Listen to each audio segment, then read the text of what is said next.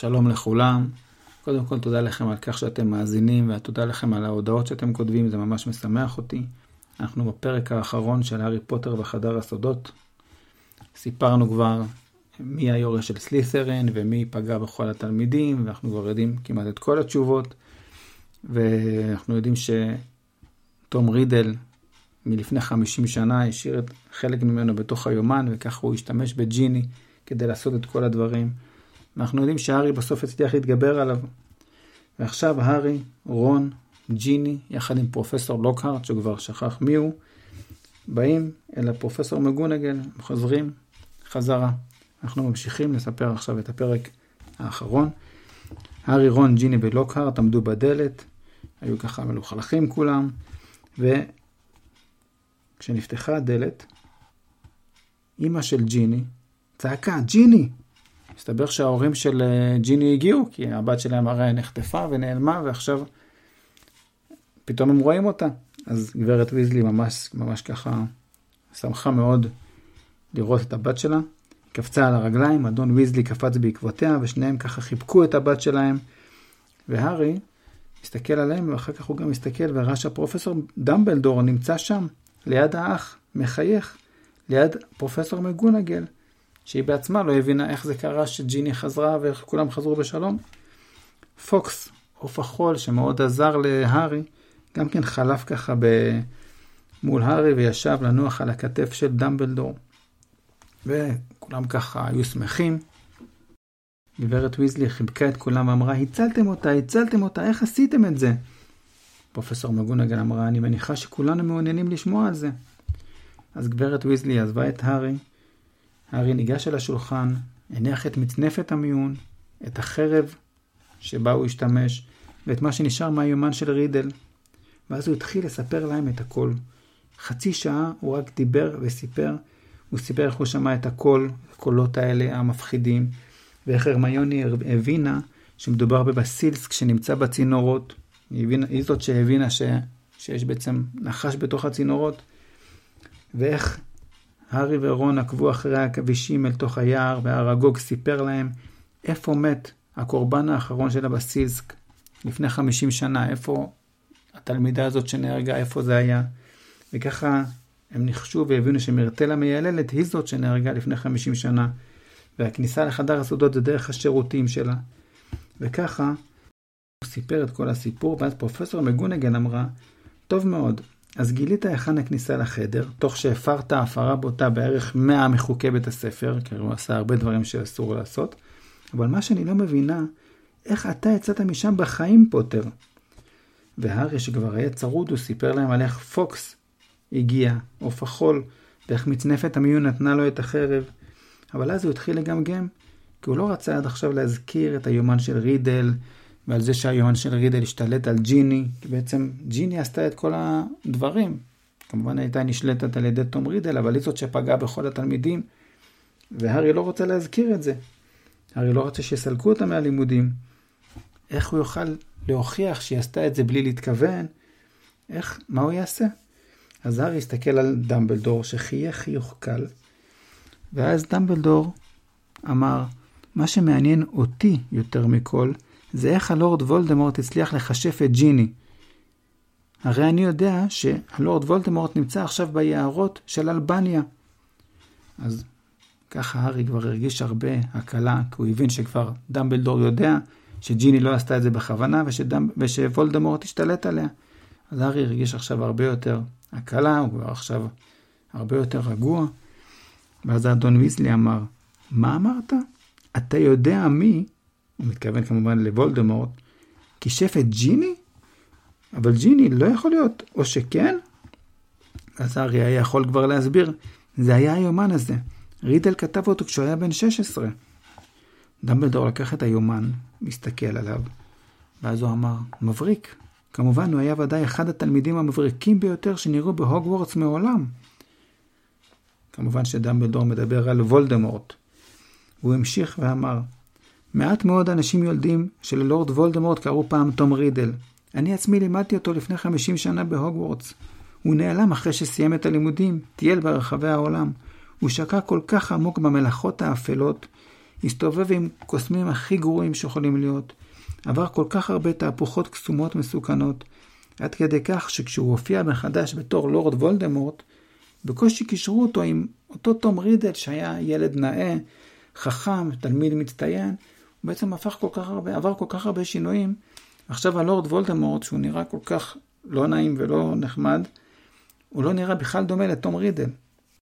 ואז גברת ויזלי שאלה, אבל מה הקשר בין ג'יני שלנו לבין האיש הזה? ג'יני אמרה, היומן, אני כתבתי בו, והוא כתב לי חזרה לכל אורך השנה. אדון ויזלי אמר, ג'יני, לא למדת ממני כלום? מה תמיד אמרתי לך? לעולם אל תבטחי במשהו שחושב בכוחות עצמו, אם את לא יודעת איפה הוא מחזיק את המוח שלו. למה לא הראת לי את היומן הזה או לאמא שלך? כזה חפץ חשוד, ברור שהוא היה מלא בקסם רע. ג'יני אמרה, אני לא יודעת, מצאתי אותו בתוך אחד הספרים שאמא נתנה לי. חשבתי שמישהו פשוט השאיר אותו שם ושכח ממנו. אז דמבלדור, שתמיד אומר את הדברים הנכונים בזמן, הוא אמר, העלמה ויזלי צריכה לחזור למרפאה תכף ומיד. הוא לא רצה שיכעסו עליה. הוא אמר, היא עברה חוויה קשה מאוד, לא יהיה עונש. היא לא תקבל עונש. קוסמים מבוגרים וחכמים ממנה נפלו במלכודות של הלורד וולדמורט. ואז בעצם הפנה אותה ללכת לנוח, ואמר, אני ממליץ על מנוחה במיטה, ואולי גם ספל גדול של שוקו חם. אני מוצא שזה תמיד מנחם אותי. תגלי שמדאם פומפרי, האחראית על המרפאה, עדיין ערה. היא בדיוק מחלקת את מיץ הדודאים. אני מניח שקורבנות הבסילסקי התעוררו בכל רגע. סיפרנו שיש את הצמח של הדודאים, שברגע שהוא גדל אפשר להשתמש בו ולרפא את כל התלמידים שהובנו. אז עכשיו כבר זה קורה, ועכשיו כל אלה שהובנו התעוררו. רון אמר אז הרמיוני יצאה בשלום. הוא שמח מאוד. ג'יני יצאה לכיוון המרפאה וההורים שלה בעקבותיה, ופרופסור דמבלדור אמר לפרופסור מגונגל, את יודעת, אני חושב שכל זה מצדיק סעודה גדולה. אוכל לבקש ממך ללכת ולהגיד על זה במטבח, שהכינו סעודה גדולה? פרופסור מגונגל אמרה, בהחלט. אני אשאיר לך את הטיפול בפוטר וויזלי, כן? דמבלדור אמר, בהחלט. ואז היא יצאה. הארי ורון היו קצת מודאגים. מה הכוונה הטיפול? מה, הם יקבלו עכשיו עונש? מה זה הטיפול בפוטר וויזלי? ובאמת דמבלדור התחיל להגיד, נדמה לי שאני זוכר שאמרתי לשניכם שאיאלץ לסלק אתכם במקרה ששוב אתפוס אתכם מפרים חוקים של בית הספר. רון כבר התחיל להיבהל. אבל דמבלדור המשיך ואמר בחיוך, מה שמוכיח שאפילו הטובים בינינו נאלצים לפעמים להתחרט על המילים שלהם. אני לא אעניש אתכם על מה שעשיתם, ההפך, אתם תקבלו פרסים מיוחדים על תרומה של לבית הספר, ואני גם אתן לכל אחד מכם 200 נקודות בשביל גריפינדור. רון ממש שמח. ואז דמבלדור אמר, אבל אחד מאיתנו עוד לא אמר כלום לגבי החלק שלו בהרפתקה המסוכנת הזאת. למה אתה מצטנע כל כך, גילדרוי? הוא פונה כמובן אל פרופסור לוקהרט. הרי שכח ממנו לגמרי. הוא הסתובב וראה את לוקהרט עומד בפינה עם חיוך מעורפל. כשדמבלדור פנה אליו, הוא הסתכל, לוקהרט הסתכל אחורה, הוא לא הבין אל מי מדברים. רון אמר, אה, פרופסור דמבלדור, הייתה תאונה קטנה למטה בחדר הסודות. פרופסור לוקהרט, לוקהרט אמר, האם פרופסור? הרי אתם זוכרים שפרופסור לוקהרט בעצם שכח הכל והוא כבר בכלל לא יודע שהוא פרופסור. רון הסביר בשקט. הוא ניסה לבצע קסם זיכרון והשרביט החזיר את זה עליו. דמבלדור אמר, אוי ואבוי, שופדת על ידי חרבך, גילדרוי. לוקהרט אמר, חרבך? אין לי חרב. ואז דמבלדור אמר לרון, תוכל להוביל למרפאה גם את פרופסור לוקהרט? אני רוצה להחליף כמה מילים עם הארי. לוקהרט יצא יחד עם רון, ואחרי שהם יצאו, דמבלדור אמר להארי, שב בבקשה. והארי ישב, מתוח. דמבלדור אמר, קודם כל, הארי, אני רוצה להודות לך. נראה שהפגנת נאמנות אמיתית אליי כשהיית שם למטה. זה הדבר שגרם לכך שפוקס הגיע. שום דבר אחר לא היה יכול לגרום לעוף החול פתאום להגיע. רק בגלל שהארי הפגין כל כך נאמנות לדמבלדור, עוף החול של דמבלדור בא ועזר לו. הארי חייך במבוכה, ודמבלדור הסתכל עליו ואמר, אז פגשת את תום רידל. אני מניח שהוא היה מעוניין בך עד מאוד. דמבלדור ככה נראה מהורהר. למה שתום רידל, וולדמורט, יהיה מעוניין בהארי? מעניין. בכל אופן, זה מה שדמבלדור אמר. ואז פתאום משהו שהטריד את הארי כל הזמן, פתאום קפץ. ואז הארי אמר, פרופסור דמבלדור, רידל אמר שאני דומה לו. דמיון מוזר, הוא אמר. דמבלדור אמר, mm, ככה? מאורהר עדיין. מה דעתך בעניין, הארי? הארי אמר, אני לא חושב שאני כמוהו. כלומר, אני בגריפינדור, אני... ואז הארי השתתק, כי עוד פעם התעורר לו ספק ישן, ספק שכבר היה לו. והוא אמר לדמבלדור, פרופסור, מצנפת המיון אמרה לי שאני הייתי מצליח בבית סלית'רין. כולם חשבו בהתחלה שאני היורש של סלית'רין בגלל שאני לחשנן. הרי הארי התלבט במהלך התקופה הזאת, ואולי הוא באמת שייך לסלית'רין, הרי מצנפת המיון אמרה לו בהתחלה שהוא יכול להיות בסלית'רין. אז הארי חושב, למה, אולי בזה הוא דומה לתום רידל? מה, מה העניין? דמבלדור אמר, תראה, אתה לחשנן, בגלל שהלורד וולדמורט, שהוא הצאצא האחרון של סלזר סלית'רין, הוא לחשנן. ואם אני לא טועה, הלורד וולדמורט, בזמן שהוא פגע בך באותו לילה שהיית תינוק והוא נשאר לך סימן במצח, על ידי זה הוא העביר לך חלק מכוחות הקסם שלו. הוא לא עשה את זה בכוונה, אני בטוח, אמר דמבלדור, אבל בעצם ככה קיבלת חלק מהתכונות שלו ולכן אתה לחשנן. הרי אמר, וולדמורט הכניס לתוכי קצת מעצמו? דמבלדור אמר, כן, ככה זה בהחלט נראה. ואז הארי אמר, אז באמת הייתי צריך להיות בסלית'רין. מצנפת המיון ראתה את הכוח של סלית'רין בתוכי, והיא... דמבלדור אמר, בכל זאת היא שיבצה אותך בגריפינדור. שמע לי, הארי, במקרה ניחנת בהרבה תכונות שסלזר סלית'רין העריך מאוד אצל, אצל התלמידים שלו. הכישרון המיוחד שלו ללחשננות, תושייה, נחישות, זה שאתה לא כל כך מקפיד על חוקים, אבל מצנפת המיון בכל זאת שיבצה אותך בבית גריפינדור. אתה יודע למה? תחשוב טוב. הארי אמר, היא שיבצה אותי בגריפינדור רק בגלל שביקשתי לא ללכת לסלית'רין. דמבלדור אמר בדיוק. זה מה שעושה אותך מאוד שונה מתום רידל. מה שאנחנו בוחרים, הבחירות שלנו, זה מה שמגלה מי אנחנו באמת. הרבה יותר מהתכונות שיש לנו. זאת אומרת שגם אם באמת להארי יש תכונות שמתאימות לסלית'רין, עדיין הבחירה שלו והרצון שלו להיות בגריפינדור זה מה שמשפיע שהוא באמת שייך לגריפינדור. ואז הארי עדיין ישב ככה בלי לזוז ודמבלדור אמר לו, אם אתה רוצה הוכחה שאתה מתאים לגריפינדור, הארי, בוא תסתכל על החרב שהשתמשת בה קצת יותר מקרוב. החרב שהארי מצא שם בחדר הסודות והשתמש בה כדי להילחם עם הנחש. ואז הארי הסתכל על החרב, והוא ראה שיש שם שחרוט עליה. על החרב חרוט את השם גודריק גריפינדור. זה בעצם המייסד של בית גריפינדור. דמבלדור אמר, רק תלמיד גריפינדור אמיתי היה יכול לשלוף את החרב הזאת מהכובע, הארי. היה רגע שאף אחד מהם לא דיבר, ואז דמבלדור פתח את המגירה, הוציא עט נוצה ובקבוק דיו. ואז הוא אמר להארי, מה שאתה צריך זה קצת לנוח ולאכול, תרד לסעודה, בינתיים אני אכתוב מכתב לאזקבן. שם זה בית הכלא שהגריד נמצא, כי הרי חשדו בו שהוא זה שפתח את חדר הסודות. אז דמבלדור עכשיו אמר שהוא רוצה לכתוב להם שישחררו אותו, אנחנו צריכים את שומר הקרקעות שלנו. ואני גם צריך לנסח מודעה לעיתון הנביא היומי, אמר דמבלדור. אנחנו צריכים מורה חדש להתגוננות מפני כוחות האופל. אוי לי, נראה שהם לא מחזיקים אצלנו מעמד לאורך זמן, מה? הארי קם וניגש לדלת כדי לצאת, והוא לא הספיק לפתוח את הדלת, והדלת נפתחה מעצמה בפתאומיות, כי לוציוס מאלפוי פתח אותה. הוא עמד שם כולו כועס. תחת הזרוע שלו, רועד כולו ועטוף בתחבושות, היה דובי, גם אדון הבית, דובי. דמבלדור אמר, ערב טוב לך, לוציוס. אדון מאלפוי נכנס כועס. דובי רצרץ פנימה בעקבותיו, עם הבעה של אימה מוחלטת על הפנים. לוציוס אמר לדמבלדור, חזרת. חבר המנהלים השעה אותך, אבל אתה בכל זאת חזרת להוגוורטס. אנחנו סיפרנו שבגלל כל המאורעות של התקיפות שקרו, חבר המנהלים החליט שדמבלדור לא יהיה יותר מנהל. ועכשיו לוציוס מאלפוי רואה את דמבלדור פה. אבל דמבלדור ענה לו בחיוך רגוע, אתה מבין, לוציוס? 11 חברי ההנהלה האחרים יצרו איתי קשר היום. למען האמת, הם ממש שלחו לי ינשופים כדי שאני אחזור.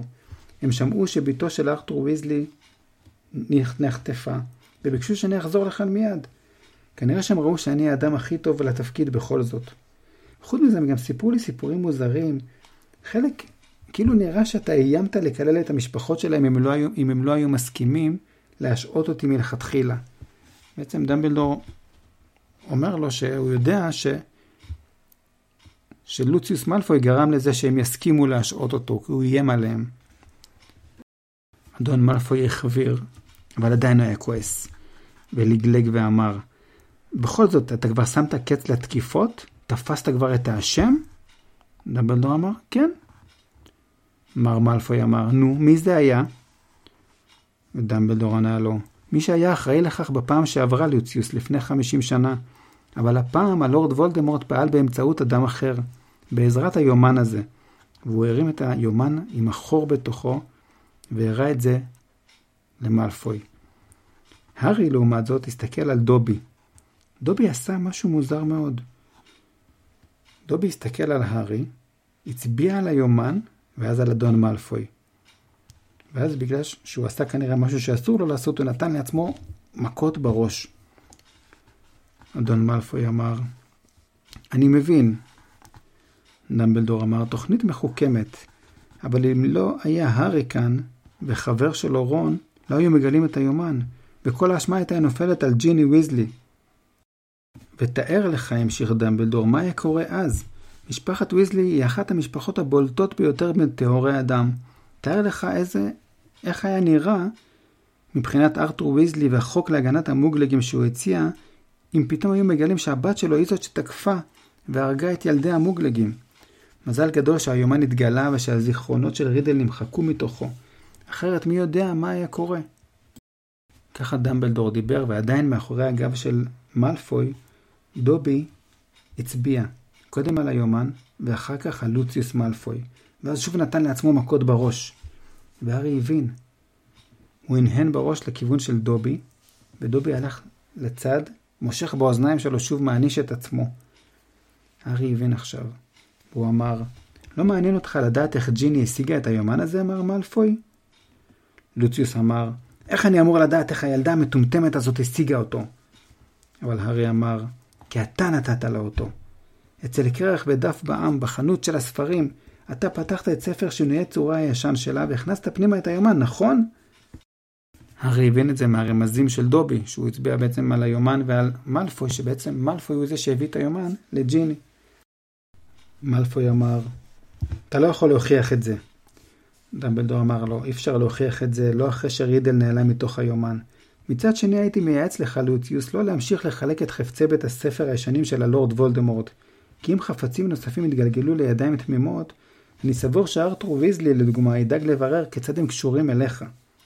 כמובן שמלפוי לא רוצה שיבררו איך יש לו חפצים של וולדמורט, אז מלפוי קצת ככה שתק, הרי ראה שהוא כועס, אבל במקום להגיב הוא פשוט פנה לגמדון הבית שלו ואמר, אנחנו הולכים דובי. הוא פתח את הדלת, והגמדון מיהר לקראתה, לצאת איתו, אבל לוציוס מאלפוי פשוט בעט בו והעיף אותו דרכה. הם שמעו את דובי צועק בכאב לכל אורך המסדרון. הארי ממש ככה ריחם על דובי, ואז עלה לו רעיון. הארי אמר, פרופסור דמבלדור, אני יכול בבקשה להחזיר את היומן הזה לאדון מאלפוי? דמבלדור אמר בשלווה, בהחלט, הארי, רק מהר הסעודה, אתה זוכר? הארי תפס את היומן וזינק מתוך המשרד. הוא עדיין שמע את דובי צועק.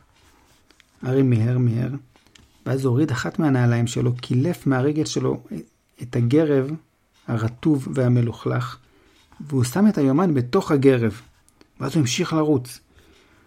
הוא הגיע למר מלפוי ואמר, hey, מר מלפוי, יש לי משהו לתת לך, והוא דחף את הגרב המסריח לתוך היד של לוציוס מלפוי. מלפוי לא הבין מה הארי רוצה ממנו.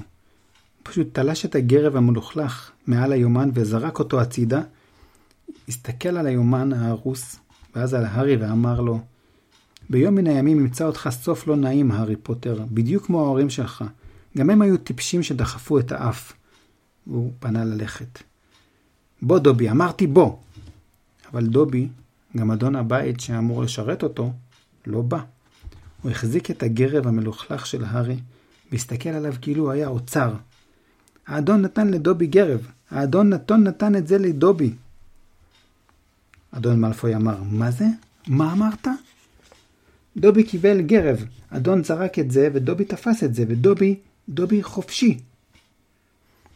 אתם זוכרים שסיפרנו שכדי לשחרר גמדון, צריך שהאדון, האדון של הגמדון ייתן לו איזשהו חפץ.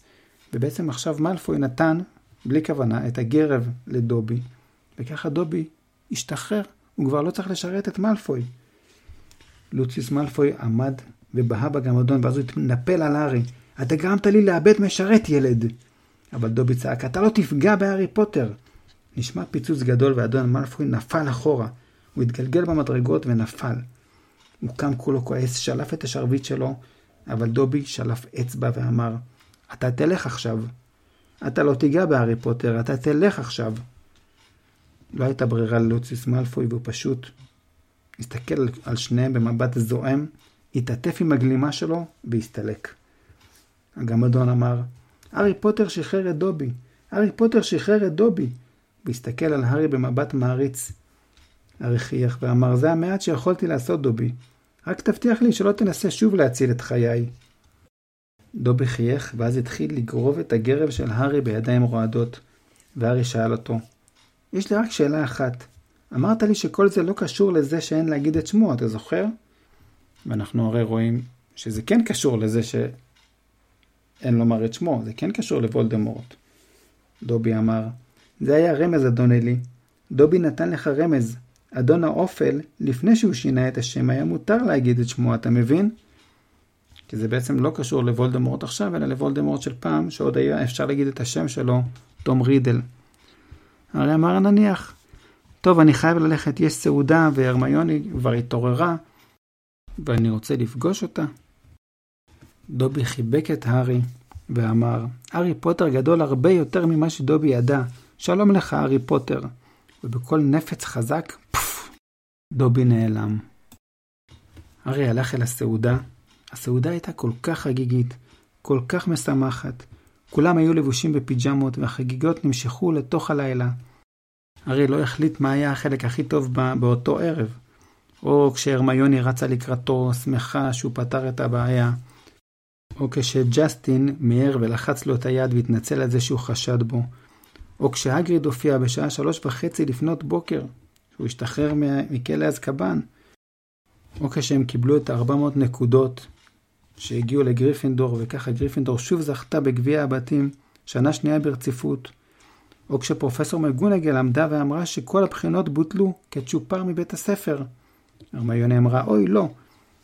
או כשדמבלדור הודיע שלמרבה הצער הפרופסור לוקארט לא יוכל לשוב בשנה הבאה, כי הוא יצטרך לעזוב כדי לנסות להשיב לעצמו את הזיכרונות שלו. וככה הייתה באמת אה, סעודה חגיגית ומשמחת. אחרי כל המאורעות האלה עדיין המשיכה השנה של הוגוורטס. המשך השנה ככה עבר מהר. הוגוורטס חזרה לשגרה, עם כמה שינויים קטנים. לא היו יותר שיעורי התגוננות מפני כוחות האופל. לוציוס מאלפוי כבר לא היה בחבר המנהלים של בית הספר. דראקו כבר לא צעד בצעד יהיר בשבילי בית הספר, כאילו המקום שייך לו. להפך, הוא נראה ככה מריר וזועף. מצד שני, ג'יני ויזלי שוב הייתה מאושרת. ומהר מאוד הגיע הזמן לחזור הביתה ברכבת האקספרס של הוגוורטס. הארי, רון, הרמיוני, פרד, ג'ורג' וג'יני קיבלו קרון משלהם. הם ניצלו את הזמן כדי לעשות קסמים, כי הרי אחרי שהם יוצאים הביתה אסור להם לעשות קסמים בחופש. אז עכשיו הם ניצלו את הזמן לעשות קסמים אחרונים לפני תחילת החופש, שיחקו בקלפים מתפוצצים, הציתו זיקוקי פיליבסטר של פרד וג'ורג' וכל מיני דברים כאלה. הם כמעט הגיעו לתחנה כשארי נזכר במשהו. ג'יני, הוא אמר, מה ראית את פרסי עושה שהוא לא רצה שתספרי לאף אחד? הרי אתם זוכרים שג'יני באה לספר משהו, ופרסי חשב שזה משהו שקשור אליו? עכשיו ארי שואל אותה, מה זה היה? ג'יני אמרה, אה, טוב, האמת היא שפרסי אה, נפגש עם מישהי, עם פנלופה קליר ווטר, המדריכה מרייבנקלו. כל הקיץ הוא כתב לה מכתבים, הוא נפגש איתה בסוד בכל מיני מקומות. אז uh, אני ראיתי אותו פשוט, לכן uh, הוא היה כל כך נסער כשהיא הותקפה. אתם לא תצחקו עליו, נכון? פרד וג'ורג' נראו כאילו ממש עומדים לצחוק ואמרו, לא, מה פתאום, מה פתאום. וככה רכבת האקספרס של הוגוורטס עצרה, ארי שלף את נוצה וקלף וכתב את מספר הטלפון שלו פעמיים אל רון ולהרמיוני. ואז הוא אמר לרון, לזה קוראים מספר טלפון. הסברתי לאבא שלך בקיץ הקודם איך להשתמש בטלפון אז הוא ידע. תתקשר אליי אצל הדרסלים, בסדר? הרי צריך להסביר את זה לרון, כי רון לא מכיר טלפון, הם לא משתמשים בדבר כזה בעולם הקוסמים. הרמיוני אמרה, אבל הדוד והדודה שלך יהיו גאים בך כשהם ישמעו מה עשית השנה, לא? הרי אמר, יהיו גאים בי? השתגעת? כל הפעמים שהייתי יכול למות ולא הצלחתי, הם יכעסו נורא. כי הרי הדרסלים היו שמחים דווקא אם הארי כן היה מת. וככה הם עברו בחזרה את השער אל עולם המוגלגים, הארי, רון והרמיוני. וזה הסוף של הספר השני, הארי פוטר בחדר הסודות. בהחלט הייתה כאן הרפתקה מאוד מאוד מעניינת. למדנו הרבה דברים חדשים על וולדמורט ועל הארי ובכלל. וזהו, זה סוף הספר. ניפגש בספר הבא, הארי פוטר והאסיר מאזקבאן. אתם מוזמנים להאזין.